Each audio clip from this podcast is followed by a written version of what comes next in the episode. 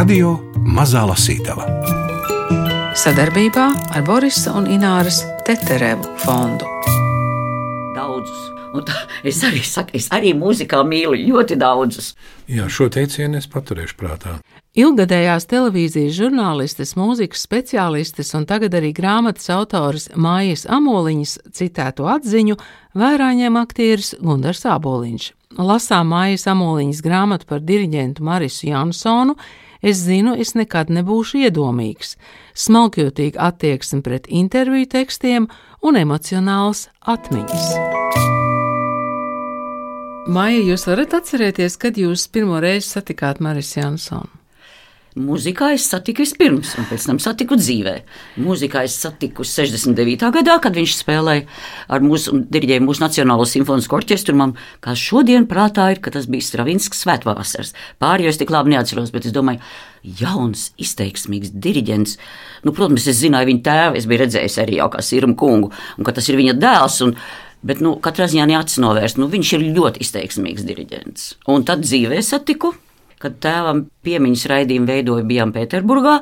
Tas ir tā, tas iznāk mums 89. gads. Tad jau gan tēvs bija 5 gadus miris, bet tad satika arī viņa mammīti dzīvā veidā, vēl mammiņu, ko viņa stāstīja ar rūkumu lielu šo to par Rīgu, kā arī viņam bija jāizbrauc. Un tad Maris pirmo reizi, un tad viņš ienāca jauns, pašapziņīgs, varētu teikt. Jau Oslo simfoniskā orķestra galvenais diriģents, bet katrā ziņā sarunā bija atsaucīgs un ļoti, ļoti skaisti mēs izrunājām visu kaut ko par tēvu un arī par viņu. Nu, ne jau katram diriģentam jūs sekojat līdzi, ko viņš dara, vai ne? Maris Jansons ir viens no tiem. Nu, tā ir. Katrā ziņā viņš izraisīja tādu sajūtu, ka gribas ar vien vairāk, vairāk viņu redzēt un tikties. Un tad, kad viņš atbrauca Rīgā, atklāt operu pēc restaurācijas 95. gadā, ja, tad man arī bija viņam tāda laba pieeja, jo par to tēvu jau es biju taisījis raidījumu, viņam tas patika. Un tad, jo tas operas atklāšanas brīdis vēl bija tādā nu, Latvijas brīvvalsts, vēl to pirmo gadu tādā jūsmā. Un tāpēc arī es tik ļoti jūsmoju par to Marijas Jansonu. Tik ļoti jūsmoju orķestra muziķi. Viss. Viņi pilnīgi likās, ka viņi dzīvo uz Marijas elpas un viss tur. Nu, tādā veidā tas bija. Un tad mēs domājam, nē, kaut kam vairāk jābūt par šo cilvēku. Un tad sāku meklēt ceļus. Braukt uz Pēterburgu pirmkārt, kas bija iespējams to laiku tiešām, kuru viņš ļoti mīl, kas viņam ir tik daudz devusi tā Pēterburgā, viņš saka, ka viņš varētu nezinu, kur pāri pasaulē dzīvot. Patreiz, kad viņš jau slavens bija, vai ne, bet, bet tā pilsēta viņam ir tik dziļi asinīs, tik daudz devusi, ka viņš to nevar atstāt. Kas ir tālākais ceļojums, kuras es viņam sekoju? Nu, jā. Tad bija uz Oslo, mēs braucām.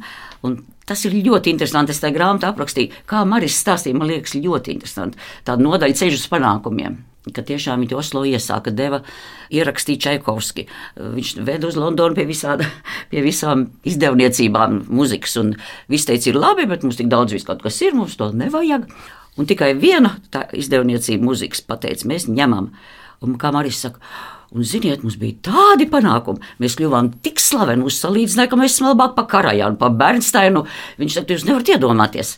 Bet turpat līdzās viņš arī turpat saka, kāds ir grāmatas nosaukums. Mēs redzam, arī es turpat, nekad nebūšu iedomīgs. Jā, tiešām viņš to teica. Es pilnīgi redzu un dzirdu, kā Maris sēdēja un to teica.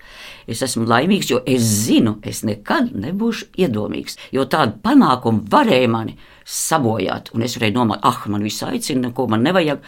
Viņš saka, tas ir ļoti, ļoti bīstami. Tādu iedomību viņš saka es ienīstu principā. Viņš tiešām bija tāds nu, ļoti vienkāršs. Jā, ja? Jā tiešām vienkārši. Nu, pie pūles viņš dega un visu darīja līdz pēdējam, bet dzīvē viņš bija vienkārši sirsnīgs un, un ziniet, kaut kā Viņš kā uzticējās jau pēc pirmā raidījuma, un viņš jūtot, jūtot interesi. Tā viņam arī gribējās, ka tā Latvija varbūt arī par viņu taisa kaut kādu filmu, vai ne? Un tā nu, reizes uz reizi, un viņš atsaucās, nu visādi jau mums gāja sarežģīti, protams. Es jau pieskaros grāmatā, tur televīzijas cilvēku darbam drusciņi. Tas tiešām ar tādu manu entuziasmu, ļoti lielu manu entuziasmu tapa. Jo tagad jau tomēr ir kaut kādi līdzekļi un kas. Un es braucām tā es nezinu, pilnīgi tādus dūladrusciņus, un tur bez naudas un zagām fragmentus. Es tur slikti uzvedos, bet nu, man tos fragmentus vajadzēja sevišķi Pitsburgā, kur viņi vienkārši sekoja. Es jau varu, tas ir rakstīts, bet es varu pateikt to epizodu, kas par kuru man kauns, bet nu, ko var darīt? Mums, protams, bija piestiprināta sieviete uzraudze. Tulce, teiksim tā. Nē, nē tulce neuzraudz, jo mēs drīkstējam filmēt tikai uz nācienu, tikai aplausus, ja, neko vairāk. Un mēs esam tā ložā, tā kā mūsu operā, kad aizsērts durvis, no ārpuses nevar attaisīt viņas. Nevar. Un tā sieviete atpalika, un aizsērts tās durvis, un sāk skanēt aplausi, un es saku, dzintar, operatoru, dzintar filmē. Viņam tā kā no sākuma baili drusku, bet mēs filmējām tā pa fragmentiem. Un pretīm sēdēja viens čelis, krievtautības. Un tas viss to redzēja, un viņš pēc tam uz tās mīnu prasīja. Nu, vsi opoņi māļi, viņš saka. Bet, nu, tā, tā, tā, tā tas notiek, bet es domāju, man Tā taču jūs nofilmējāt visu koncertu. Ko? Visu Nu, koncertu. visu nē, nē, mēs tā tomēr drusku, jo jau mātes slavenais čelis bija tas arī dievi. Nu, daudz mēs, daudzi mums atsaucās tieši tāpēc, ka tas. Nu, mēs bijām pazīstami, Maris Jansons ir mūsu pazīstams un sirsnīgi. Un tā, tā kā viņa trešā dienā tie administratori viņa tā pamāja tikai rokām, domāja, ai, šie te iet tādi neregulējami kaut kā viņi tādi. Es tiešām tagad tā nedarītu, bet tas bija tikko autortiesības vēl nekādas manā iekšējā pasaulē neeksistēja. Man liekas, ka to var, nu, tomēr jādara. Nu, ka cilvēkiem tas ir jāredz. Nu, jā, nu tiešām. Video filmu Maris Jansons saņēma vairākas balvas. Tā bija vai ne? Jā, tā bija. Un te nu es gribu pateikt, ka pie šo balvu saņemšanas man bija ļoti tuvs sakars ar Gunāru Aboliņu. Tajā gadā, Gunār, kad es saņēmu balvu, jūs vadījāt uh, to ceremoniju, un tā bija reize, kad bija iegremdēti tajos mm, nu, baseinos, vai kā tos sauc, akvārijos, lielie kristapi. Jā, Un tā bija katram bija jāsvij kinobalva. ārā. tā bija, tas tieši- bija lielais kristaps. Jā, jā, Jā. jā, jā. Lielais kristaps. Bija nogrimis, jā. Jā, viņi, un tur viss bija tā kā tomēr tur zem tā ir tas uzraksts? Es atceros, ka tieši man, ka mēs kopā ar jums uzlocījām piedurumus un trīs reizes zvejojām ārā to kristapu. Jā, tur Tā bija vairāk kristapu un ūdenī. Mēs nebijām padomājuši. Mēs jau bijām tādas mazas špikerīšas pielikuši, nu, kam kurš ir, lai tu bet tur- Un, izra... un tas ūdens tur skalojoties un tos pirmos velkot, Jā. noskaloja visiem.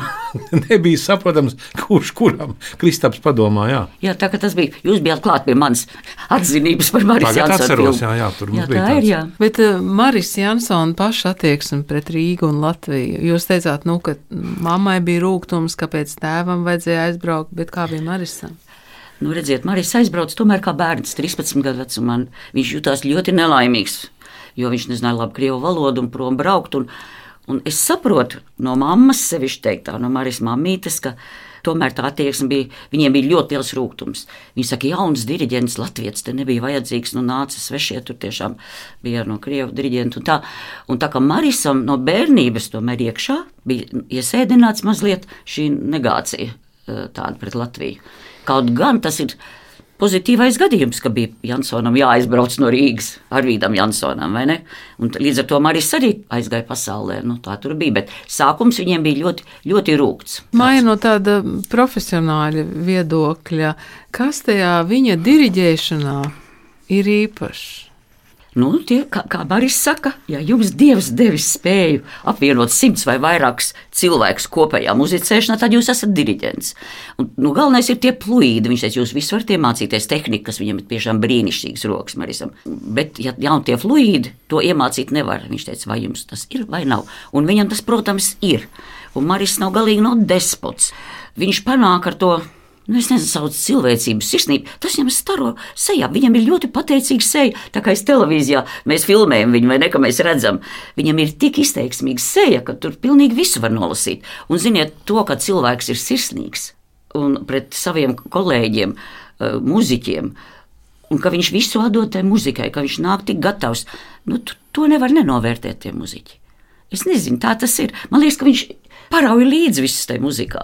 Nu, cik es esmu redzējis, Oslo viņš man pat atļāva sēdēt koncertā aiz čēlu pēdējās pults, tāpat melnā kleitiņā. Un tā es tiešām izjūtu tos viņa orķestrim raidītos visus tos fluīdus. Tas, tas tā bija. Jā.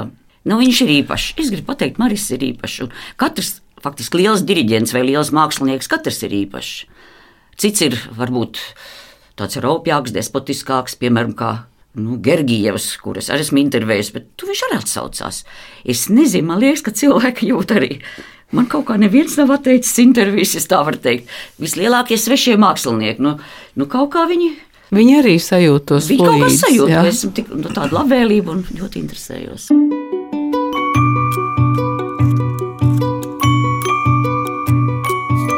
Un kad jūs nonācāt pie domas, ka būsiet diriģents? Es domāju, ka diezgan agri. Es sapņoju būt par diriģentu. Atceros, ka man mājās ir tādi foto, kur es spēlējos it kā būtu diriģents. Es, saprotams, redzēju, kā mans tēvs mēģināja mūs diriģēt operā. Man bija tāds liels zīzlis, man bija grāmatas, it kā tās būtu partitūras, un atceros, ka man bija tāds biksītis un krekliņš, it kā tā būtu fraka. Bet, kad aizbraucu uz Pēterburgu, toreiz Leņņģerādu, man bija 13 gadi. Es atceros, ka šausmīgi raudāja Rīgas stacijā, un mūs pavadīja daudzi draugi un radi. Es raudāju visu ceļu, man tā bija liela traģēdija. Domāju, ka es nevarēšu izdzīvot bez Latvijas. Tā bija pieredze šeit. Un braukt uz citu valsti ar citu valodu. Man sākumā bija ļoti grūti, un es ļoti kautrējos, jutos ļoti vientuļš. Leņņģeradā es sākumā iestājos desmitgadīgajā mūzikas skolā, kodiriģentu klasē. Tēvs man teica, tu nedrīksti pamest instrumentu, jo tas ir ļoti svarīgi, un es paralēli mācījos arī violi. Man liekas, ka tad, kad Leņņģeradā sāku mācīties par kora diriģentu, man bija 13 gadi. Es sapratu, ka būšu diriģents. Kā vēlāk Pēterburgā tiekoties atcerējās Irina Tatārinova, Pēterburgas konservatorijas profesori. Man atmiņā, ka sākumā viņš bija ļoti kompleksains. Viņu mulsināja tas, ka viņš no mazās Latvijas nokļuvis svešā un lielā Krievijā. Viņš baidījās no visa, baidījās runāt krieviski, pieļāva kļūdas diktātos, bet viņš bija tik apdāvināts, ka drīz vien to pārvarēja talantu un sirds spēka vadīts. Pateicoties mammas un tēva gēniem, No tiem nāca iedzimta kultūra, bet Krievija viņam iedeva mērogu, un viņš kļuva par mūziķi visas pasaules kultūras ietvarā. Maris Jansons atceras. Kad mācījos Leņņģeradā, mums studentiem bija lielas iespējas strādāt ar studentu simfonisko orķestri, un mums bija arī savs operas teātris, kur varēja diriģēt operu izrādes. Tās bija manas pirmās diriģenta gaitas. Un tad es, starp citu, pirmo reizi atbraucu uz Rīgu. Tas bija, man liekas, 1968. vai 69. gads. Tad man te bija pirmais koncerts. Tad aizbraucu mācīties uz Vīni pie Hansa Svarovska, un, kad atgriezos, Mravinskis man paņēma par stažieri Leņņģeradas orķestrī uz diviem gadiem, un pēc tam kļuvu par viņa asistentu. Un, kad 1971. gadā kļuvu par Karajānu konkursu laureātu Berlīnē, tad īstenībā sākās manas diriģenta radošās gaitas, jo tas konkurss tiešām ir ar augstu prestižu. Tad mani sāka aicināt par viesdiriģentu pie daudziem pasaules orķestriem, un 1979. gadā saņēmu uzaicinājumu kļūt par Oslo simfonisko orķestra diriģentu. Norvēģijas sūtnis griezās ar lūgumu PSRS kultūras ministrijā, bet to neatļāva. Bet, kā teica toreiz, viss, kas ir aizliegts, ir arī atļauts. Man teica, tu brauc, bet līgums netika noslēgts. Kultūras ministrija un Goskoncerts zināja, ka esmu Oslo orķestra galvenais diriģents, bet tā kā līgums nebija parakstīts, nevienam nebija nekādas atbildības. Ir jau lasīts par tādiem vētrainiem despotiskiem diriģentiem kā Toskanīni, vai gluži pretēji kā Bruno Walters, kas sasniedz rezultātu ar sirsnīgu, mierīgu attieksmi. Kāds jūs esat attiecībās ar Oslo simfonisko orķestri? Nu, es noteikti neesmu despots, Manuprāt, tas nav labi. Diriģentam pirmkārt jāzina, ko viņš vēlas panākt. Jā, viņam jābūt stingram, principiālam savā prasībās, viņam jābūt ar raksturu, bet viņa runas un darba stils nedrīkst būt aizvainojošs, jo mūziķi ir īpaši jūtīgi cilvēki. Principā Norvēģijā arī citādi nevar būt. Tur ir īsta demokrātija. Tur daudz nosaka orķestra ievēlētā komiteja. Man sākumā bija grūti to saprast, jo biju atbraucis no diktatūras valsts. Man likās, ko te tik daudz diskutēt, ja esmu ko pateicis, tad tā arī jābūt. Bet tad es sapratu, ka man jāmainās, jo tā ir viņu sistēma, viņu dzīvesveids. Mums ar orķestri ir savstarpēji labas attiecības, mēs daudz strādājam. Galvenais, ka viņi man tic un nāk līdzi. Tas palīdz orķestrim sasniegt labākos rezultātus. Es tur strādāju jau 17 gadus, un mēs kopā esam panākuši ļoti daudz. Pirms mēneša augustā Rīgā uzstājās Klaudijo Abādo ar savu jauniešu orķestri, un viņš intervijā atzīmēja, ka Rīga viņam saistās ar izcilu mūziķu vārdiem - Marisu Jansonu un Gidonu Krēmeru. Kā jums veidojas attiecības ar saviem laika biedriem mūziķiem, vai interesējaties par viņu darbu, vai arī esat tāds pats par sevi? Nē, nē, es interesējos par diriģentiem, kuri agrāk strādāja, tos augstu vērtēju, esmu daudz lasījis par viņiem. Mans tēvs bieži par viņiem stāstīja, jo viņš pats ir spēlējis tādu diriģentu vadībā kā Leo Blehs, Eriks Klaivers. Es klausos viņa ierakstus, un ar šodienas diriģentiem es viņus gandrīz visus pazīstu. Eju uz viņu mēģinājumiem, klausos viņu koncertus, kontaktējos ar viņiem. Jāsaka, atklāti, ne visi to dara, bet es priecājos, ka daudz braucu pa pasauli, daudz redzu un dzirdu, un līdz ar to man visu laiku rodas jaunas idejas, visu laiku man fantāzija strādā. Tas ir ļoti svarīgi, ka jums ir iespēja plaši domāt. Gunārs Aboliņš lasa fragmentus no Maijas Amoliņas grāmatas par Marisu Jansonu, kuras nosaukumā citāts no paša maistro teiktā: Es zinu, es nekad nebūšu iedomīgs. Savukārt, zinot Mājas lielo televīzijas pieredzi, jautāju, vai mūziku ir vieglāk parādīt televīzijā vai aprakstīt grāmatā. Grūts jautājums. Televīzijā ir ļoti grūti labi parādīt muziku. Pat es zinu, kad esmu sēdējis ar partitūrām vai nepilnīgi ar sarkaniem vaigiem, bet tā muzika iet uz priekšu, ritms. Tu neko vairs nevari, tu ziņo nu, operatoriem vai ne, jo kaut ko tu nokavēt. Tas iet uz priekšu. Nu, nezinu, tas, tas nav vienkārši. Tagad jau ļoti ir tādām strādām, mūsdienīga tādām kartiņām, kā katram operatoram priekšā izstrādāts. Ļoti sarežģīti tas ir. Bet kādreiz bija dzīvā veidā, tas Protams, pirms tam es esmu daudzkārt noklausījies, atzīmējis visas svarīgākās tēmas, kuras nu noteikti ir jāparāda, jātiek klāt vai ne. Bet tā, rakstīt, nezinu, vai par muziku vieglāk. Tā grāmata nav tieši par muziku, tā ir par vienu lielu personību muzikā un manas izjūtas un piedzīvotais mēģinājumos, viņa koncertos un tā kā cilvēku. Kāds man pazīstams mūziķis ir teicis, rakstīt par mūziku ir tas pats, kas dejot par arhitektūru. tā varētu būt.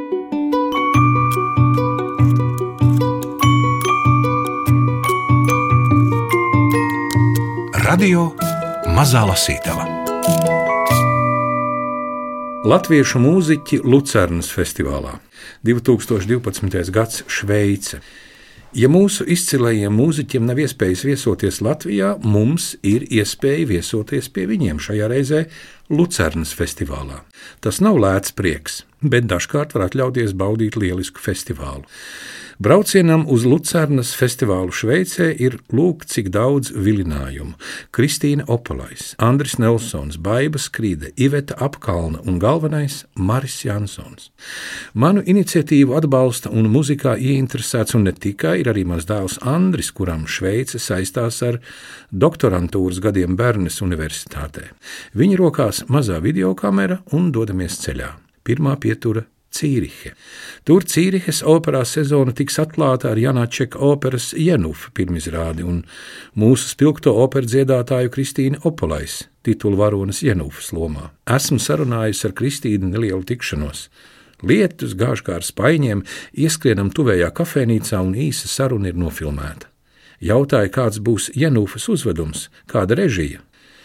Nu, Kristīna atbild, nu, ar režisoriem man ir tā, kā ir. Būs ekstremāli. Ne tik ekstremāli kā nāra, dubļos un ūdeņos man nebūs jāpeldas, bet emocionāli ļoti sakāpināti, krāsaini. Visas emocijas, ko vien Janūfa var izdzīvot, tas pirmajā cēlienā man ir.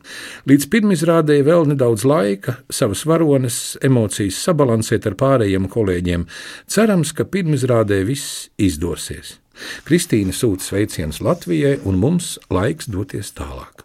Pēc stundas brauciena no Cīrihes esam mūsu galamērķī glaznainajā Šveices pilsētā Lucernā ar rāmo Lucernas ezera līci, kur kā gulbi slīd turistu kuģīši, sakārtoto vidi ar senatnīgajiem tiltiņiem, un turpat līdzās paceļas mūsdienīgais kultūras un kongresu centrs.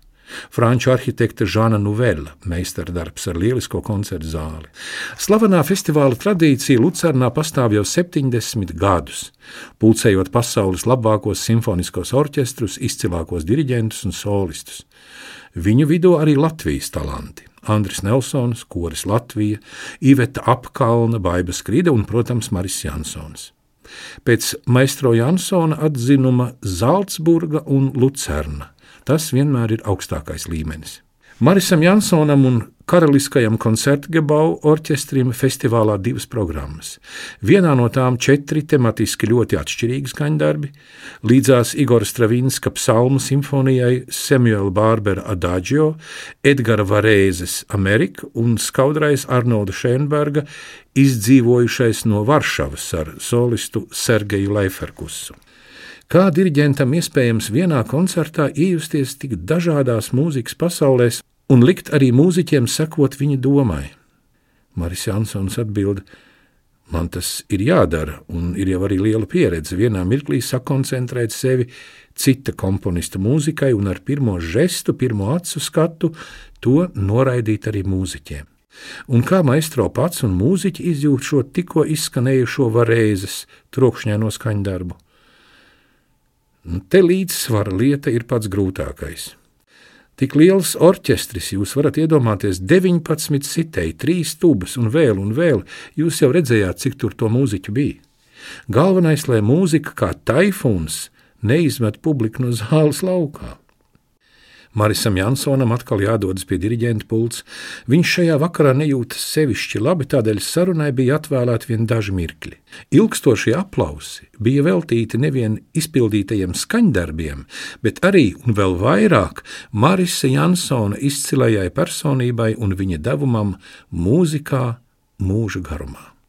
Aizvadīts iespaidiem bagāts vakars, bet nākamajā dienā Lucernas lielākajā baznīcā skan ērģeļu varanie reģistri, un te sava solo koncerta mēģinājumā pie tām sastopam mūsu lielisko ērģelnieci Ivetu apkalnu. Priecīga, negaidīta, nesaskaņota tikšanās. Man ir tāds sajūta, Maija, ka jūs ļoti labi atceraties visas šīs ainas, kā Jā. tas notika. Es tiešām atceros. Es tiešām atceros. Protams, intervijas jau es arī nu, lielāko daļu zinu. Gan drīz no galvas, protams, tās atšifrēja perfekti, bet visu tā, kā tas notika, soli pa solim, kā mēs braucām, kā dabūjām to, kur gājām, kā satikām, kur nakšņojām, kā gatavojamies tam ierakstam. Jo, piemēram, arī nu, šeit bija tikai ar vienu kameru, un citur arī bija visa viena kamera, jo mēs nebijām. Braucām tikai ar operatoru. Tagad tomēr brauc lielākas brigādes, skaņa režisori un gaismas. Un, un tas viss bija arī tā fiziski sarežģīti.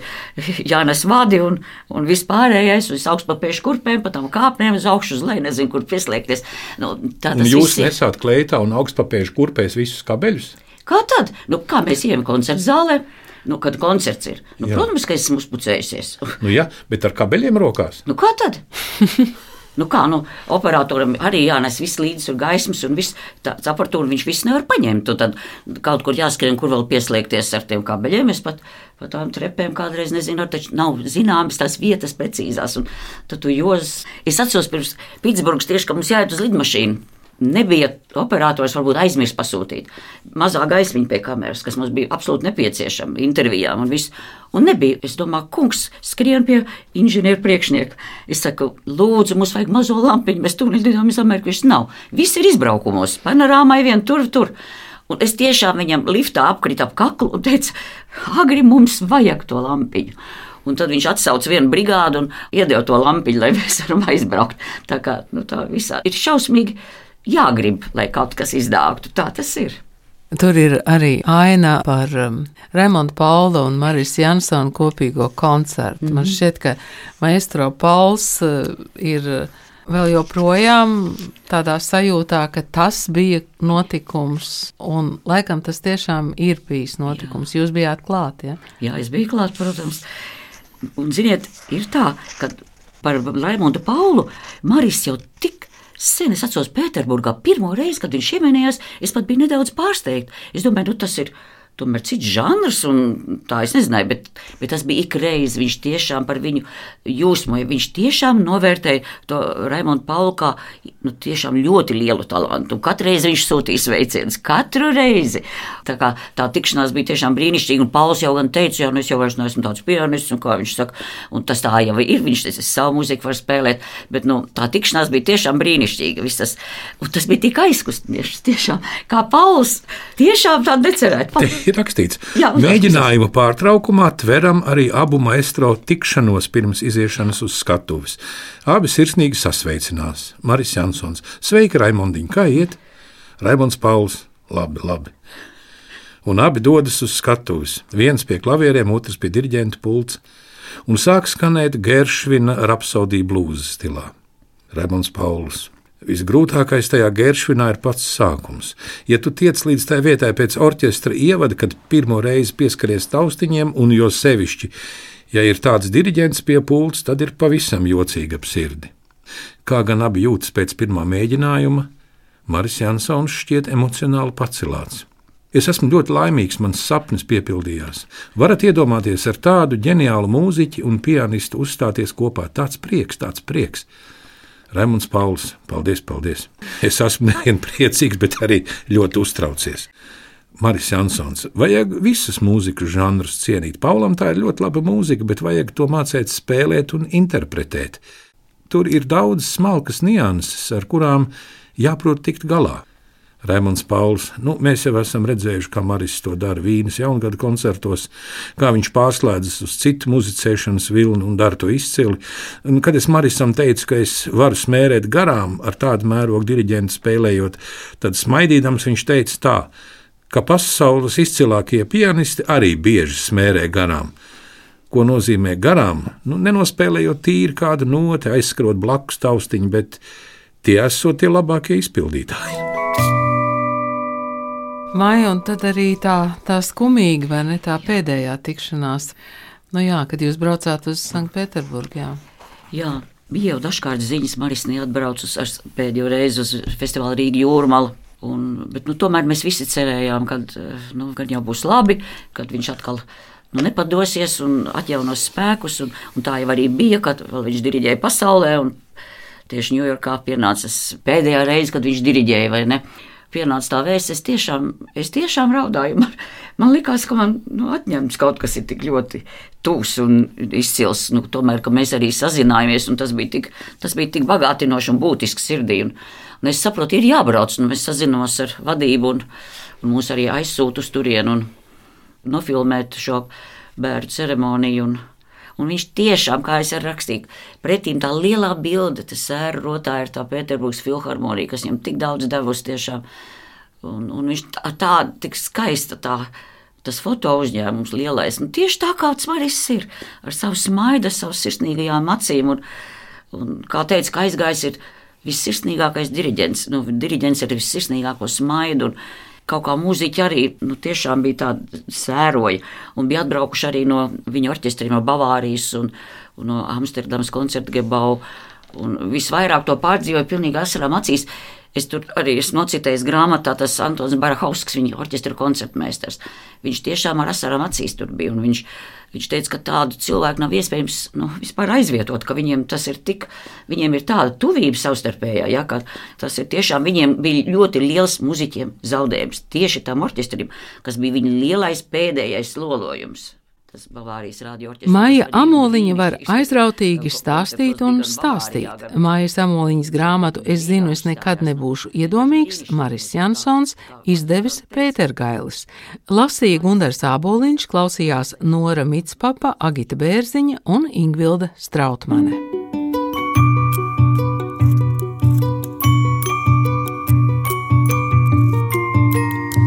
Radio Mazā Lasītava sadarbībā ar Borisa un Ināras Teterevu fondu.